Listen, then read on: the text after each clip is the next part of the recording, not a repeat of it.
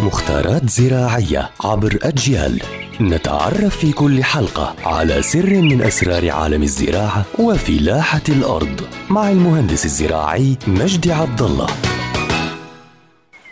يعطيكم ألف عافية. أهلا بكل متابعي ومتابعات أجيال عبر منصاتها المختلفة. رح نحكي اليوم عن موضوع مهم وضروري وهو التقليم وموعد التقليم.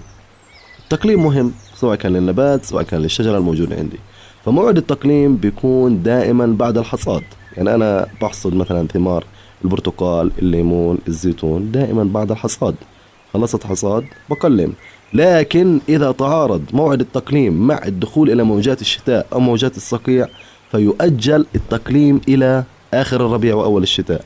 لأنه في حالة أنا قلمت تقليم جائر لهي الشجرة أو هي النبات أنا راح أعريها بمعنى راح أقص كثير من أجزاء من فروعها من أوراقها. من سيقانها وبالتالي عند دخول موجة الصقيع أو موجة الشتاء راح يصيبها برودة هاي الشجرة راح تتعب راح تمرض. فدائما إنه موعد التقليم يكون بعد الحصاد لكن عند الدخول في موجة الشتاء موجة الصقيع يؤجل موعد التقليم إلى آخر الشتاء وأول الربيع. فهذا هو موعد التقليم يا رب تكونوا استفدتوا ويعطيكم ألف عافية.